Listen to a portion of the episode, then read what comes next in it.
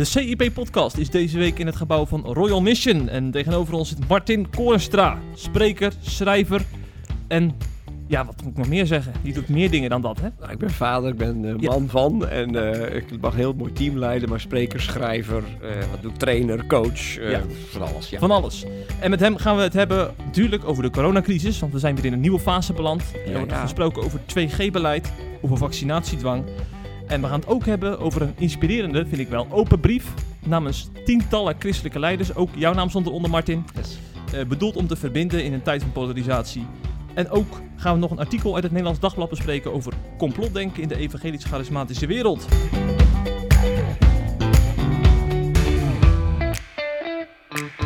Dat wordt weer een veelzijdige podcast. Het wordt een hele boterham. Ja, ja, zeker weten.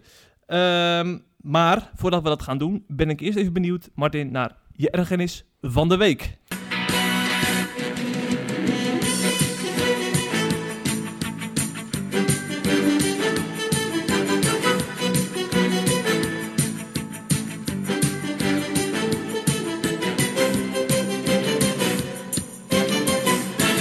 Ja, dat is voor mij niet zo moeilijk om te kiezen. Eh, ik ben niet zo'n nieuwsvolger, want dan- ik weet van nieuws word ik niet altijd zo blij. Maar ik ben een sportkijker, voetbalkijker. Ik, eh, voetbal doet wel wat met me, maar dan die supporters. Nou, dat ze vuurwerk afsteken net buiten het stadion, zo van we zijn er. Kan nog positief zijn, van we zijn betrokken. We kunnen, mogen niet in het stadion, maar we zijn er.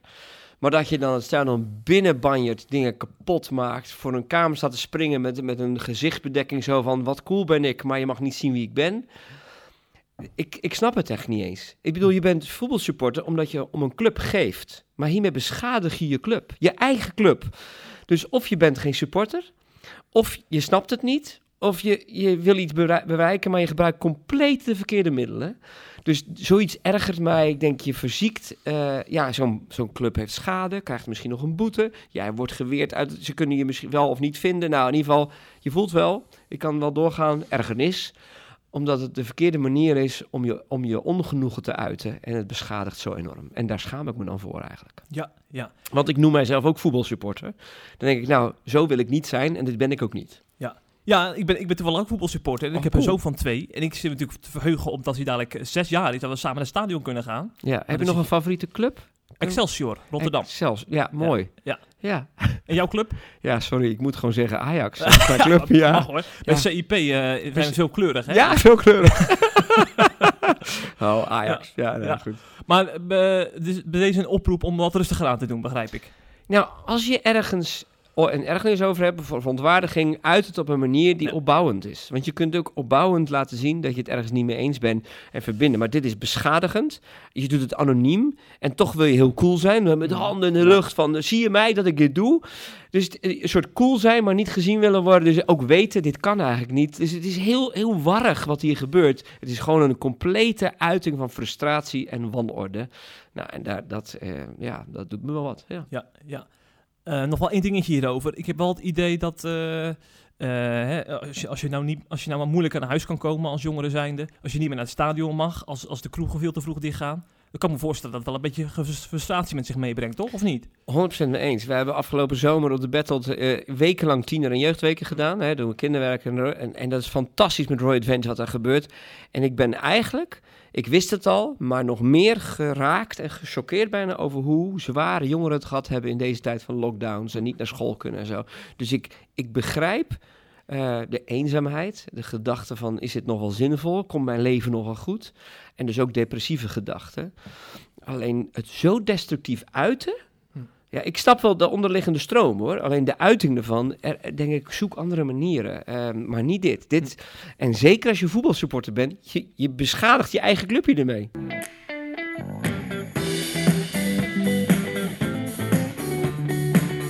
Het laatste nieuws uit christelijk Nederland bespreken we in de CIP-podcast.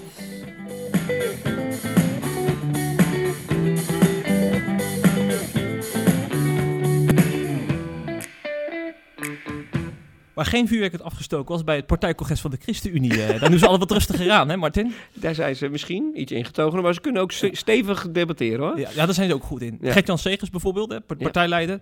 Ehm, eh, die, was natuurlijk ook, eh, die kwam natuurlijk ook aan bod bij het partijcongres afgelopen zaterdag. Het was een belangrijk congres, want leden spraken zich uit tegen uitbreiding van de coronapas en het 2G-beleid, waar deze week veel over wordt gesproken, omdat het wetsvoorstel is ingediend door het kabinet.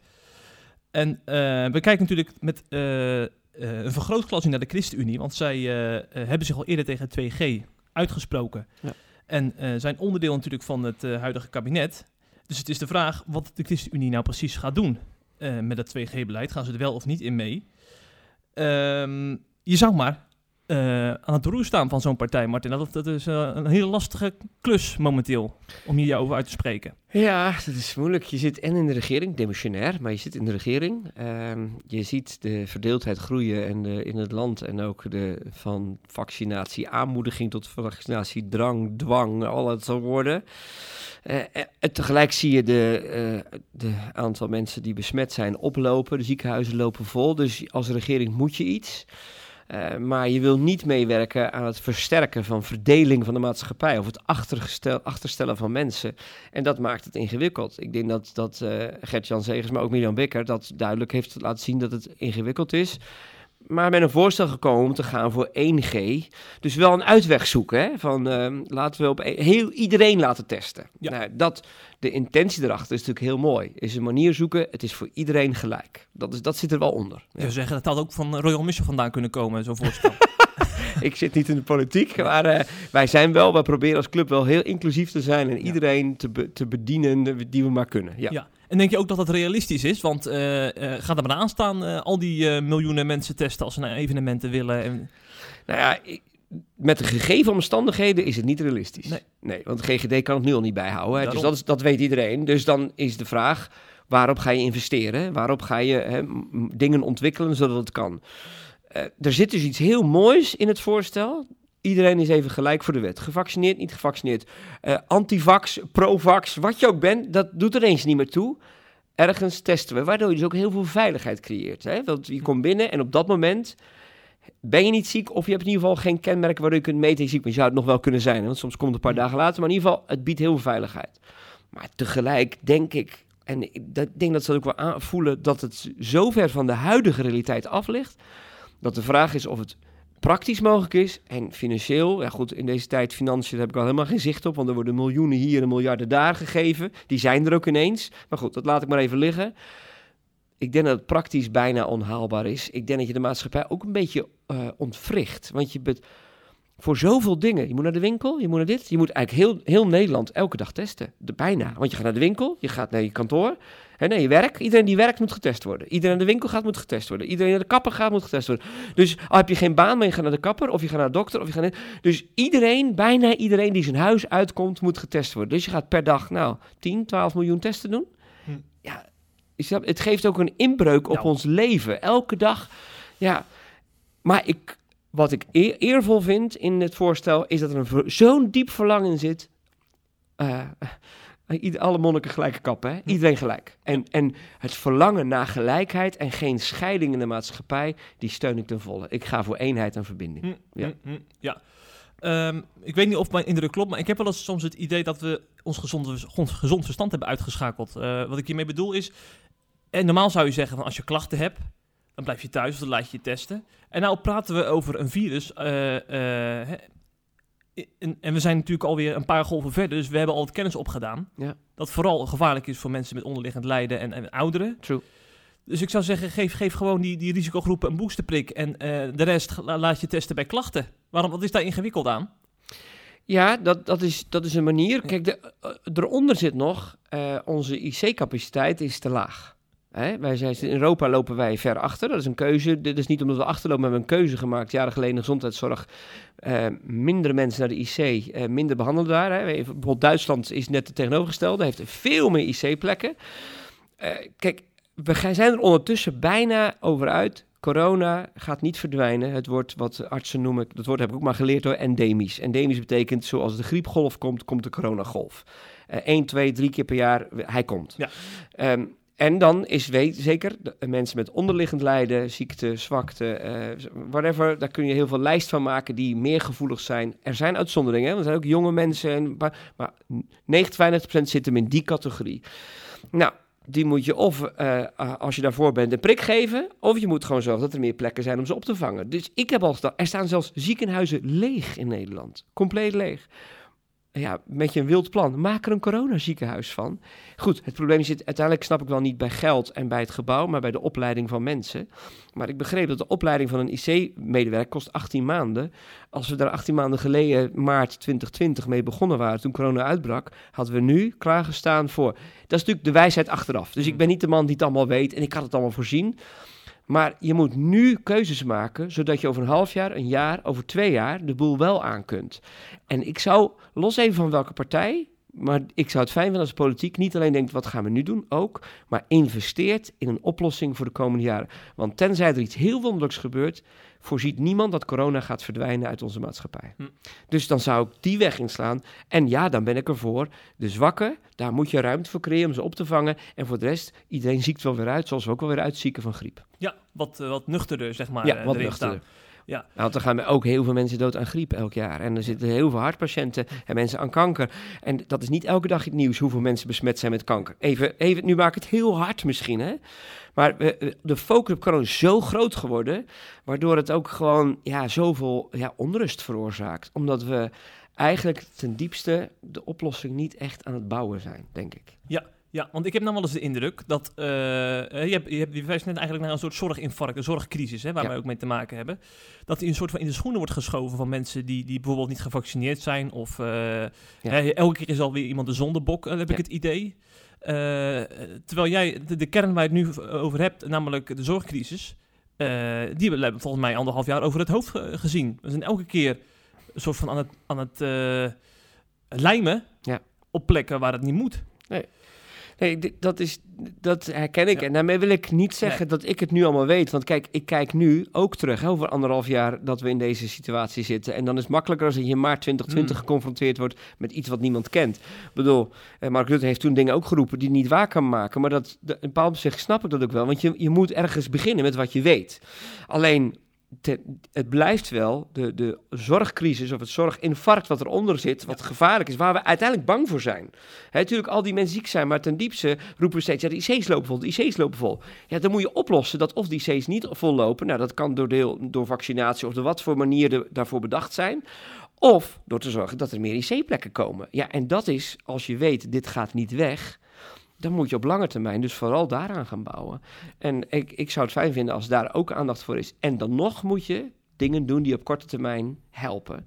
Uh, uh, en dat, ik begrijp dat de overheid daarmee bezig is. Alleen ja, die tweedeling in de maatschappij, ja, in mijn hart verzet zich daar ook tegen. Hm? Dit is natuurlijk wel gevaccineerd, niet gevaccineerd, wel voldoende, wel, twee, wel hè, herstelbewijs, of vertelt het dan niet meer, of hè, moet je getest zijn, dan mag je 2-3G, maakt weer een onderscheid. Hè? Mm en als het op heel veel plekken, en zelfs straks op je werk, stel dat je niet meer naar je werk mag als je niet gevaccineerd bent. Dat is toch, dat is toch bizar? De, een grondrecht dat een mens mag werken, wordt gewoon afgenomen omdat je niet meedoet met de club. Hm. Even los van of ik voor of tegen vaccineren ben, maar die tweedeling, dat is, dat is uh, erger. Wie zich er ook zorgen over maken, uh, dat is het kerkverband Grufmiddengemeente in Nederland. Ja. Ehm, nou, ik, ik weet niet of je bekend bent met deze mensen, maar zijn, eh, over het algemeen zijn ze heel erg terughoudend met uh, oproepen tegen de overheid. Uh, heel gezagsgetrouw, laat ik het zo zeggen. Maar nu hebben ze gewoon best wel een felle brief opgesteld richting minister, zorgminister Hugo de Jonge. waarin ze dus aanspreken op het feit dat, dat, hij, dat zij hen verantwoordelijk houden voor die tweedeling. En dat er nu sprake is van vaccinatiedwang. En uh, ze, ze, ze, keren zich echt tegen dat beleid openlijk als uh, uh, gemeente in Nederland. En ik denk als zelfs zo'n fatsoenlijk, fatsoenlijke kerk in best wel stevige bewoordingen zich uitspreekt tegen een minister, dan is er toch wel wat, wat aan de hand in de samenleving. Ja, nou ik denk dat, dat um, ze ten diepste de onvrede over de, de tweedeling of de groep, het, schapen en bokken bijna, hè? dit zijn de goede en dat zijn de slechte ja, dat het uiteindelijk nu zo ver gaat dat ze het ook niet meer kunnen houden. Dat die kunnen ze niet meer onder stoel of banken schuiven. Dit, nu gaat het te ver. Nu komt er zoveel verdeling, wordt er gezaaid. Uh, dat het uiteindelijk, ja, en het, ik vind het ook wel mooi dat, dat ook deze mensen zich uitspreken. En tuurlijk, ik zoek de verbinding. Dus Mhm. ik, ik, hoe doe je dat? dat heeft, maar het feit dat een kerk die traditioneel heel erg de overheid volgt of de mond daarover houdt, toch zegt, maar nu ga je nu een streep over. Die Ja. moet je niet overgaan.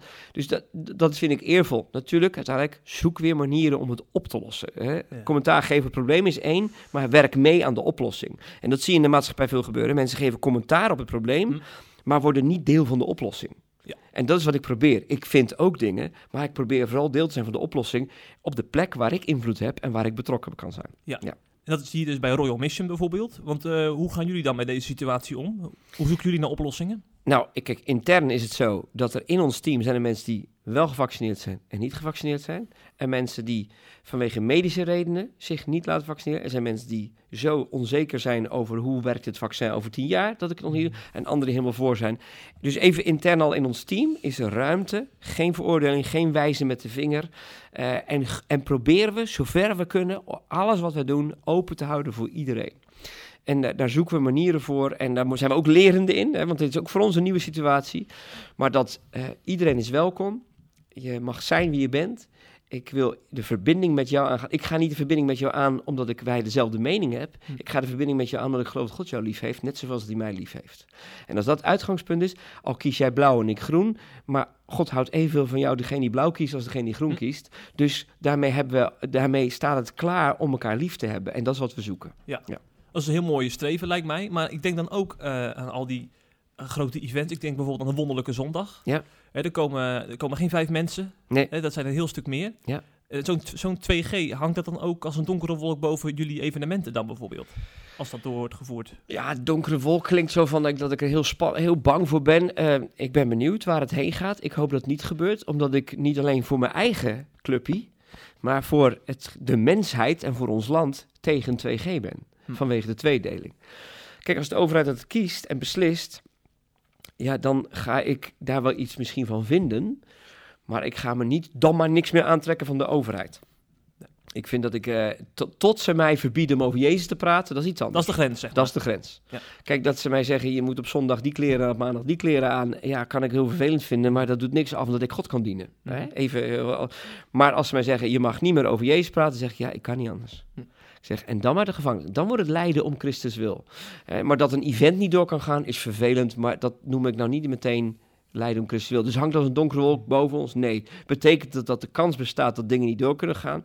Ja, want dat is afgelopen anderhalf jaar ook al gebeurd. Dat bepaalde dingen in lockdown-tijden niet konden, of online moesten, of gewoon niet door zijn gegaan. Is dat jammer? Ja. Maar dat is nou niet de reden om te zeggen, nu ben ik het er niet meer mee eens. Want nee, dan, dan in die context heeft juist God ons zoveel nieuws geleerd online. Hebben we zoveel nieuwe mensen bereikt. We hebben hè, 31, 131 livestreams gehad. Hè? Hm. De eerste 16 weken vanaf half maart. eh, vijf dagen in de week. En ons team, ons, ons netwerk, ons bereik is zoveel groter geworden in die tijd. Dus ja, weer hetzelfde. Hè? Ik kan het oneens zijn wat er gebeurt. Maar ik wil deel zijn van de oplossing. Dus Heer, wat gaat u dan nu doen? Want God, en dat zeg ik met alle liefde, God heeft geen last van corona.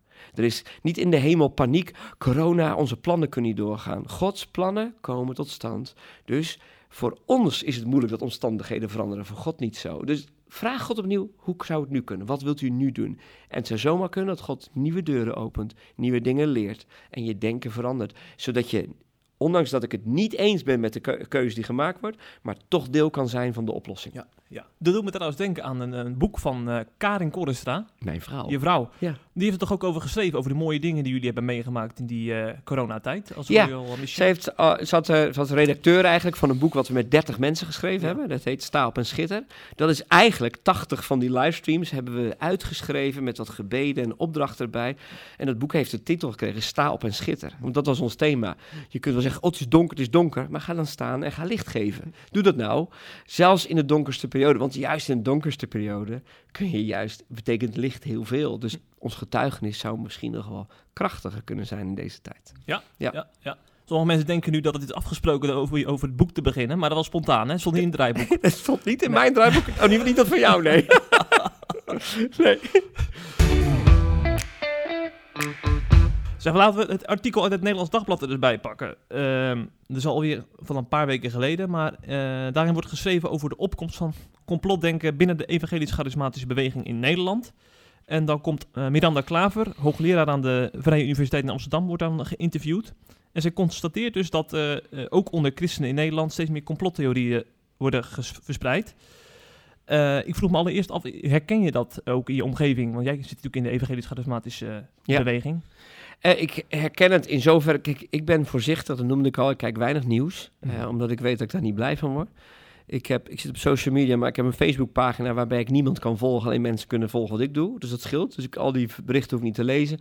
Maar goed, ik hoor natuurlijk wel dat sommige er zijn binnen de charismatische evangelische beweging mensen die zeer extreem zijn. En er zijn mensen die daar weer wat graden onder zitten, maar toch veel meer in de complot. En dan kom je heel snel. Hè, in onze wereld leeft het toch het eindtijdverhaal. Ja. Het beest, teken van het beest. Hè. Is dan Mhm. een vaccin het teken van het beest? Of dat je straks niet meer kunt kopen en verkopen. Hè. 2G, straks kun je niet meer kopen, verkopen. Dus, en dan, da- ik denk dat eh, Miranda dat goed beschrijft, dat wij als evangelisch-charismatische beweging vanwege onze theologie, eh, door de tijden heen, gevoeliger zijn voor, ja, als er rampen gebeuren, laat ik het zo zeggen, dat we dat meteen geestelijk gaan invullen. Ja, Ja. ja. Ze zeggen dat bijbelse profetieën dan worden gekoppeld aan actuele maatschappelijke ontwikkelingen. Ja.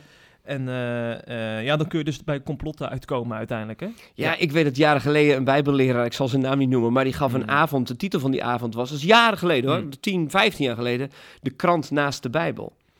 Oh ja. Dus, en dan heb je zo'n titel voor een bijbelstudieavond. Dus dan wordt eigenlijk wat er gebeurt nu... Hè, gekoppeld aan de... En dan ga je dus eigenlijk zoeken van welke bijbeltekst past bij wat we nu aan aan het meemaken zijn. Dat is de omgekeerde wereld. Hè? Je moet de Bijbel lezen in zijn context. En dan van daaruit gaan leven in de omstandigheden waar je bent. En niet de omstandigheden laten bepalen welke bijbelteksten daarbij passen. Hm. Maar wij als evangelisch charismatische mensen... Ik zal niet zeggen dat we minder bijbelvast zijn, maar we, we zijn toch iets gevoeliger voor deze thema's. Ja. Mhm, ja. En volgens Miranda Klaver heeft het ook te maken met het feit dat in de evangelisch-charismatische beweging, misschien, ik denk ook in de buiten trouwens hoor, dan is natuurlijk het, eh, leeft natuurlijk sterk, sterk het besef dat er een, een geestelijke strijd boven ons afspeelt. Hè? Ja. Dus een strijd tussen goed en kwaad. En dan kun je natuurlijk al gauw kun je dat invullen van coronabeleid komt vanuit de regering. We zien dat het veel kwaad doet. En wij als, als geestelijke christenen eh, moeten onderdeel zijn van die strijd. En dan heb je al snel, snel vijandbeelden natuurlijk. Ja, precies. Dat is Ja, wel moeilijk. En dat is natuurlijk eh, de- deels waar. Hè? Paulus zegt in Efeze 6, je hebt niet te strijden tegen mensen, hè, maar je hebt strijd tegen overheden en machten. Dus er is een geestelijke strijd waar we mee te maken hebben. Dat zijn niet mijn woorden, het zijn de woorden van Paulus in Efeze 6. Eh, alleen die geestelijke strijd eh, wordt dan zichtbaar in mensen, in omstandigheden waar je tegenaan loopt. Ja, en dan worden toch die mensen vertegenwoordigers van het kwaad. Dat is heel groot wat ik nu zeg, maar het kwaad wat in deze wereld gaande is. Ja, en dus dan komt heel snel, daar moet ik me tegen verzetten, want dat is de vijand. Eh, terwijl ehm, ik ja, echt geloof dat dat de strijd is die we juist niet moeten strijden. En onze strijd is niet tegen de overheid. Wordt daar geblunderd? Worden daar dingen bekokstoofd waarvan ik niet weet? De kans is heel groot. Wij weten heel veel dingen niet die in achterkamertjes besproken zijn. En ja, misschien is er een bepaalde agenda waar wij, die is kans groot waar wij niet van weten. Maar dan nog is mijn strijd daar niet mee. Mijn strijd is bijna om st- sta op en schitter. Want uiteindelijk, als ik het heb over je hebt niet strijden tegen mensen van vlees en bloed, hè, maar tegen overheden, gaat Paulus die wapenrusting beschrijven. En hoe hij zegt hij, en dan zegt hij, hè, houd dus stand. U moet stand houden. Dus ons gevecht is niet eens, wij moeten actief op zoek naar een vijand. Nee, hij leert ons hoe je stand kunt houden. Hoe je gewoon blijft staan. Dus terwijl dat allemaal om je heen gebeurt, blijven wij staan en doen wij het goede. Precies hetzelfde als sta op en schitter is niet zo van, oh, ik moet vechten tegen de duisternis. Ik hoef niet te vechten tegen de duisternis, ik moet licht gaan geven. Dan gaat de duisternis vanzelf aan de kant. Dus ik zit weer, hè, weer hetzelfde. Hè? Dus ik ga niet zozeer de, het probleem bevechten. Ja. Ik wil deel zijn van de oplossing. Ik ga staan met de wapenrusting aan. Ik ga licht geven en dan geloof ik dat daar God zichtbaar wordt. En dus mijn strijd is niet tegen de overheid. Eh, mijn verlangen is dat God zichtbaar wordt. Ik probeer hem altijd ook te verplaatsen in mensen die, eh, eh, die wantrouwig zijn in deze Ja. tijd. Hè? En dan, en die verwijzen dan bijvoorbeeld, hè, mocht een tijdje niet zingen in de kerk of, of eh ingetogen zingen werd dat Ja, genoemd. of zelfs niet. Hè? En de- de- dat er geen conferenties konden worden gehouden waarbij het evangelie wordt verspreid, wordt dan al snel geframed van hey, in de geestelijke wereld wordt, worden onze activiteiten tegengehouden. Ja. En activiteiten die juist Gods kracht laten zien. Ja. Begrijp je nou dat mensen zo ver gaan van, eh, eh, daar moet wel een satanisch plan achter zitten, wat dan Miranda Klaver dan eh, zegt, duidt. Ja, ze duidt het. Hè. Ik, Ja. denk dat ze zelf niet van Nee, overtuigd is, nee. maar ze duidt dat dat de beweging is die gaande is. Mhm. En dat ik, ik kan me voorstellen dat mensen dat denken. Want kijk, als die conferentie de plek is waar jij gezegend werd, hè, misschien die, con- waar je hart, waar je leven veranderd is. Zingen, God aanbidden is zo wezenlijk onderdeel van christen zijn, kerk zijn, het samenkomen. Dan zingen we. Hè. Het, het- eh, ja, als je niet meer zingt, hè, dan ben je uitgezongen. Ik bedoel, je moet Hm. blijven zingen. Dat is, dat, dat is, eh, alleen als we dat niet meer mogen, Maakt de duivel daar gebruik van? Ja. Alleen is dat een satanisch plan dat er in de hel besloten is. We gaan de wereld platleggen dat ze niet meer zingen. Dan denk ik, jongens, zing op de plekken waar je... Zing op de badkamer. Zing op de plekken de waar je wel kunt. Zing onder de douche. Ja. En als je geen conferentie kunt houden... En, en die mis ik ook, hè. Ik bedoel, ik, ik mis... Ik bedoel, als we met honderden mensen weer zouden mogen zingen in een zaal... Daar kan ik zo van genieten. Ik ben een, ik ben een aanbidder daarin. Daar geniet ik van. Ik hou van conferenties. Alleen, ik heb gezien hoeveel God op andere manieren kan werken. Waar we, waar we- en alleen maar gaan roepen wat je niet hebt, maakt dat het steeds groter wordt. Hè? Waar je je aandacht op richt, groeit. Dus als je heel erg naar Goliath kijkt, dan denk je hij wordt steeds groter. En het is er. Alleen, wij zijn gaan kijken en dan nodig ik mensen uit. Kijk nou naar wat God wel kan doen. Zou het kunnen dat deze tijd je iets minder afhankelijk maakt van die samenkomst op zondag? En je iets meer afhankelijk van God zelf op maandag, dinsdag, woensdag, donderdag, vrijdag. En mensen missen de samenkomsten. Maar als dan je geestelijk leven stilvalt, betekent dat het al heel afhankelijk was van die samenkomst of die conferentie. Is dat mooi? Ja. Maar God roept ons nergens op. Leef door een conferentie. Hij leeft door mij. En dat men, misschien is wel een tijd waarin er verdieping plaats kan vinden. Of we bepaalde nieuwe perspectieven krijgen op leven met God. Is dat makkelijk? Nee. Is dat leuk? Nee, want een conferentie is leuk. Een samenkomst samen zingen is leuk. Geniet ik ook van. Alleen is het dan satanisch dat niet kan? Oh, de duivel wil het zeker gebruiken om wanorde te brengen en mensen los te snijden van God. Maar zou het een kans kunnen worden, deel zijn van de oplossing, zou, dat er verdieping plaatsvindt? Dat mensen veel meer verbonden zijn, dat ze veel meer voorbeden gaan doen dan alleen maar moment moeten hebben dat het hun gegeven wordt door een band die er staat te spelen. Of dat hun handen opgelegd moeten worden. En ik leg handen op, ik hou van dat doen. Maar mijn leven moet toch niet afhankelijk zijn van handen opleggen, maar van ik en de Heer en de, met de mensen, die paar mensen waar ik mee mag verbinden, dat ik daarmee God dien. Dan zijn er juist nieuwe mogelijkheden in deze tijd. En zou het kunnen betekenen dat het voor christenen een verdieping van hun geloof wordt. En ik hoop dat dat het wordt. Ja, ja. Ik was eerder vandaag was ik bij Arie de Rover, Ja. een, eh, een spreker die eh, net weer een nieuw boek over genade heeft geschreven. En hij zei van, eh, juist in de coronacrisis hebben laat, hebben, is, duidelijk geworden dat we eigenlijk ook heel veel christelijke afgodjes hadden. Hè? De eredienst bijvoorbeeld. Allemaal vaste rituelen die eventjes zijn weggevallen. En dan komt het erop aan, waar ligt je identiteit in? Hè? Ja. Is die in die kerk of in al die, al die eh, christelijke activiteiten of eh, in Christus zelf? Dat is wel een heel verschil, zegt hij. Dat, dat, dat is precies. Ja. Dat is, daar gaat het om. Is, waar zit je identiteit in Christus? Hè, ben je consument? Een consument moet opnieuw eten krijgen. Hè? Ben je alleen maar consument in de samenkomst, in de kerk, in de conferentie? Of ben je, en dat klinkt even gek, een producent? Groeit er iets uit jouw leven? Hè? Een boom die vrucht draagt is een producent. En wij worden vergeleken met een boom die vrucht draagt. Niet met iemand die overal vruchten gaat halen. Hm. Dus dat is waar God ons naartoe wil brengen. En dan, kom, ja, dan gaat er veel meer identiteit groeien. Je gaat zelf groeien in Christus. Dus ik ben het helemaal eens met wat Arie erover zegt. 100%. Als we dan toch over vruchten hebben, dan denk ik ook aan eenheid. Hè? Want dat is natuurlijk ook het gevolg van eh, Ja. eh, leven met, met Jezus, denk ik. Dat we eh, het samen optrekken als christenen. Ja, aan uw liefde onderling zullen mensen zien dat u discipelen bent. Dus de, Ja. de liefde onderling toont dat we discipelen van Jezus zijn. Daar moet het gebeuren. Ja. Ja. Ja, en daarom was het ook wel, vond ik het ook wel leuk om te zien dat er eh, recent een open brief is eh, verschenen namens eh, tientallen christelijke leiders uit allerlei hoeken, hervormd, evangelisch, noem ze allemaal maar op. Ja. Die zich hebben uitgesproken tegen polarisatie in de samenleving. Initiatief van Daniel van Deutenkom, Hans Maat en Anne Borkent. En eh, ook jouw naam stond eronder, Ja. onder de vele hand, eh, bij de vele handtekeningen. Eh, wat triggerde jou om te zeggen van hier doe ik aan mee, aan deze brief? Nou, in deze fase en zeker de laatste maanden focus ik heel erg op verbinding, verbinding, verbinding. En dat is dus een eenheid zoeken. Omdat ik ten diepste ervan overtuigd ben dat als de duivel iets aan het do- doen is in deze tijd, is het niet die samenkomsten stoppen. Dat is heel verdrietig. En dat we niet mogen zingen is heel verdrietig en jammer, maar is vooral tweedracht zaaien. De duivel, diabolos, dat is een van zijn Griekse namen, is degene die uit elkaar smijt. Dus verdeling brengen. De duivel wil eigenlijk verdeel en heers. Als hij de verdeelt, kan hij heersen. En uiteindelijk is het het, het tegenovergestelde, is wat God wil, is verbind en dien. Niet hm. verdeel en heers, maar verbind en dien.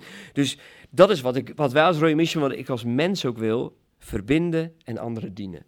En dus zo'n uh, oproep om te zeggen: wij gaan voor verbinding. Wij, wij willen mensen zien waar ze zijn, hen kansen geven om hun eigen keuze te maken. En hen te zien als zonen en dochters van God, deel van de schepping van de Allerhoogste. En wat hun kleur, geestelijke kleur ook is, uh, we hebben ze lief. Hm. Ja, daar wil ik graag aan meedoen. Ja, ja. Nou, en, uh, voor de mensen die de brief niet gelezen hebben, ik ga even een passage eruit voorlezen. Hebben ze gelijk een beetje een beeld bij. Um, Mensen die zich vanwege de diepgaande overwegingen niet willen laten vaccineren, worden neergezet als egoïsten of mensen zonder naaste liefde. Of andersom, mensen die zich wel laten vaccineren worden beschouwd als volgzaam of naïef. Er wordt niet vanuit gegaan dat de ander een zorgvuldige afweging maakt. Door generalisatie stigmatiseren we dan onze medemens, waarmee we andermans humaniteit en uniciteit uit het oog verliezen. En zo willen jullie als uh, uh, uh, ondertekenaars van deze brief mensen verbinden, hè, die nou echt uit elkaar gedreven worden in de samenleving. Ja, dat is, dat is de diepste ja. is de verbinding aangaan en die, dat uit elkaar drijven, daar ons tegen verzetten eigenlijk. Hè? Ja, ja, ja, ja, precies. Het is onze taak om de menselijkheid te beschermen, omdat ieder persoon naar Gods beeld gemaakt is. We bidden daarom voor onze samenleving, voor onze overheid, bestuurders, mensen in de zorg, voor wie ziek is en gezond.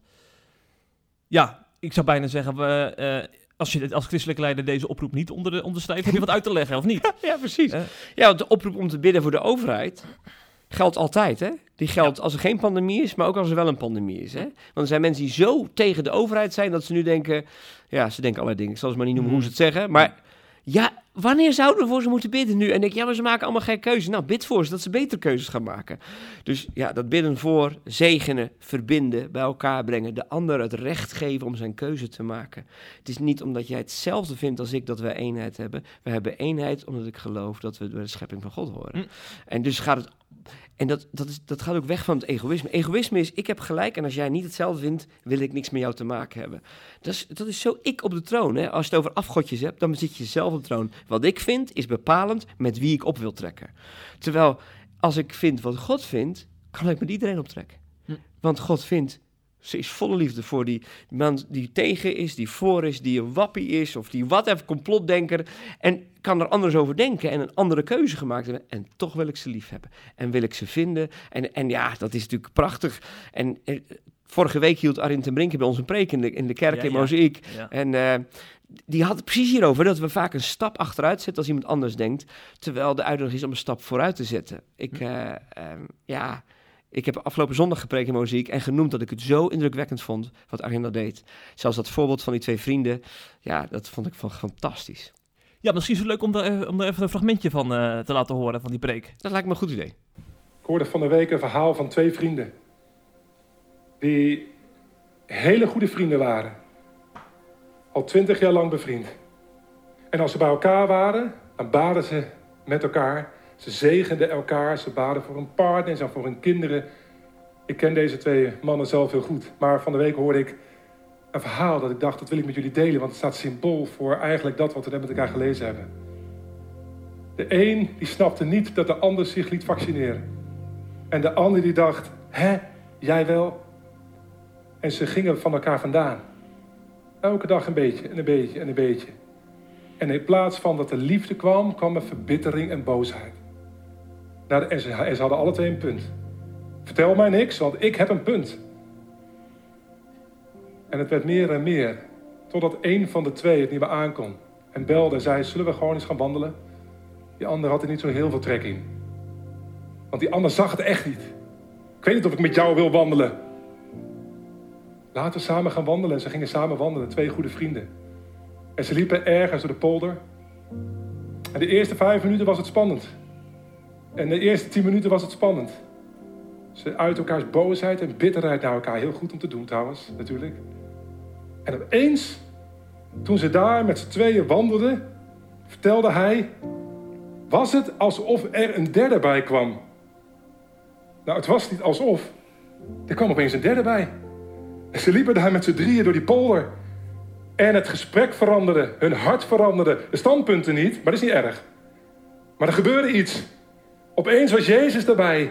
En hoe meer Jezus met hen optrok en met hen opliep, hoe mooier het werd. En uiteindelijk, andere, uiteindelijk eindigde deze wandeling op de knieën.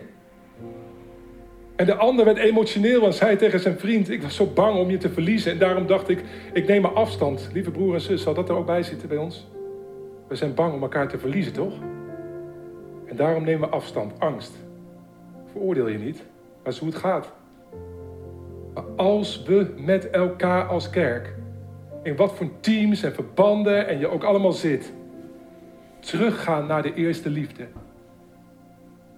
dan gaat er iets heel bijzonders gebeuren. Maar waarom was je zo onder de indruk van dit voorbeeld dan? Omdat het, eh, ik ben emotioneel aangelegd, dus dan, dan zie ik twee vrienden die elkaar kwijt zijn geraakt. Hè? En dan met elkaar gaan wandelen. Hij vertelde het gewoon heel mooi. En, en, en, en dan de spanning de eerste paar minuten. Hè? Van jij vindt dit en ik vind dat en we zijn het niet eens. En uiteindelijk op punt komen dat ze het over een liefde voor Jezus hebben en samen op hun knieën gaan. Ja, dan denk ik, misschien raakt het me wel het voorbeeld, maar ook van, maar dat is ook wat ik wil. Mhm. Dat is wat ik wil dat er gebeurt om mij heen. Dat ik, ondanks dat ik mijn eigen keuze mag maken, maar dat ik niet tot verdeling leid, maar dat we op de knieën bij Jezus elkaar altijd vinden. Zelfs als jouw keuze compleet anders dan de mijne. Ja, en dat is, dan kom ik bij de kern. En als het bij de kern komt, dan raakt het je. Ja, ja. ja, ja. ja, Ik zie ook dat je inderdaad eh, emotioneel van wordt. ja. Dan doet me ook denken aan Jan Pol. Ja. Eh, die had ook onlangs een preek in Mozaïek gehouden. En die, eh, die vertelde dat hij op een gegeven moment zo gek werd van al die eh, verdeeldheid en polarisatie. Dat hij echt huilend God heeft gezocht. En toen heeft God dan nog gesproken. Hè. Toen heeft hij dat idee voor die verbindende preek van hem ontstaan. Ja. Die nog altijd op YouTube staat. Ja. Maar zo zie je dus wat dat met mensen doet. Hè. Jan Pol werd heel emotioneel.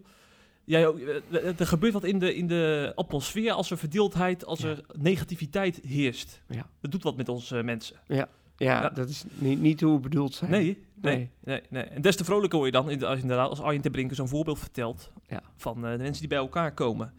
Ja, vind ik ook wel weer trouwens het eh, unieke van, eh, van, van de kerk. Ik, ik maak zelf ook onderdeel uit van een heel veelkleurige kerk met mensen die eh, laag, opgeleid zijn, laag opgeleid zijn, hoog opgeleid, eh, uit allerlei verschillende streken komen, allerlei verschillende karakters hebben. En dan denk ik van, er is maar één iemand die die mensen eh, verbindt. En dat is uiteindelijk Jezus, weet je wel. True. Dat is ja. toch eh, niks anders dan dat uiteindelijk. Ja, dat is natuurlijk de schoonheid van het evangelie. hè? Ja, ja, ja. En ook weer in deze coronacrisis dus. dus el- elke, elke tijd komt dat weer naar voren. Ja. Bijzonder. Belangrijk. Ja, ja. De preek van Arjen te Brink is trouwens ook terug te luisteren op YouTube. Ah, ja, Wanneer was hij, was hij ook weer gehouden? ja. Eh, zondag een week. Ik weet de datum even niet. Was het 14? 14 november? Want ik sprak afgelopen zondag 21 november. ja, dus nou, was die week ja. ervoor. Ja, Ja. 14. Een echte aanrader om terug te, te luisteren. Die van mij trouwens ook. Hoor. Interesse. ja. ja, precies. Mooi. Ehm, ja, trouwens, we maken deze podcast op dinsdag. En eh, vanavond is er ook een eh gebedssamenkomst eh, in Hilversum. En daar komen er ook tientallen christenen bij elkaar om voor eenheid te bidden. Hè? Ja. Dus dat is ook belangrijk dat, om dat te vermelden, dat er ook veel gebeden wordt. En uiteindelijk gaat er ook veel kracht van uit. En Ja. vaak, ik vind het soms een beetje cliché van, ja, we bidden ervoor. Maar dan vergeet je ook uiteindelijk dat dat niet maar een labmiddeltje is of zo, hè? Een pleister op de wond. Nee, gebed is heel belangrijk en dat is natuurlijk een never-ending story, omdat we dat, ook ik dat wel uit het oog verliezen. Hè? Als je heel druk bent, dan verlies je uit het oog van de rust, zoals jij rust vinden, je aandacht op God richten. En wat gebed doet, is niet zozeer God veranderen, maar vooral dat je zelf verandert. Hè? Mm. Dat Terwijl je God vraagt, verandert je hart en denk je, ja heer, we gaan gewoon doen hoe het u het wil. En, en er zit kracht in samen bidden, hè? als broeders en zusters te samenkomen, daar gebiedt God zijn zegen. Het staat er niet een beetje. Het- God wil daar zegen geven. Dus er zit ook in verbinding en eenheid zit gewoon geestelijke kracht. En dan wil ik niet te groot en spooky maken, maar er zit, ja, verbinding maakt dat er veel kleurigheid is en dat is precies hoe God wil zijn. Dus daar, daar voelt hij zich thuis, laat ik het zo maar zeggen. Ja. Ja, ja. Dus ja, ik, ik, ik denk dat eventjes aan mijn... eh, ik was een beetje een bezorgde eh, boze burger vorige week, want ik had een oproepje op Facebook geplaatst om een petitie tegen het 2G-beleid te ondertekenen. Ja. En eh, dan denk ik van, eigenlijk ik had ik ook kunnen oproepen tot gebed. Hè? Dan vergeet je al heel snel in je emotie. Ja. Ja. Dus eh, Ja. bij deze ook een oproep. Eh, niet, alleen petitie tekenen, maar ook bidden. Ja, Ja, en, en, en wees deel van de oplossing. Precies. Ja, zeker. Hey Martin, mooi dat je er was bij deze podcast. Graag gedaan. Eh, wat mij betreft doen we het over, eh, over een tijdje nog eens een keer. Ja, als nou eh, de, de rust wat teruggekeerd is, kunnen we het over le- leukere dingen hebben. Ja, ja, ja. Want er is ook, nog een leven buiten corona. Laten we dat niet vergeten. Toch? Wel. Er zijn nog meer dingen om over te praten. Veel meer. En het is, het is goed we hierover praten. En Ja. tegelijk op een paar moeten we er ook een keer mee stoppen. Kijk, nu is het actueel vanwege die keuzes. Mm. Maar er is zoveel meer. Ondanks wat er niet kan, Ja. kunnen heel veel dingen wel. En God blijft altijd goed. En hij is altijd nabij. Ja, super. En bedankt eh, voor je bijdrage, zou ik zeggen. En tegen de luisteraar zeg ik, eh, volgende week zijn we weer met een nieuwe podcast. Dus graag tot dan.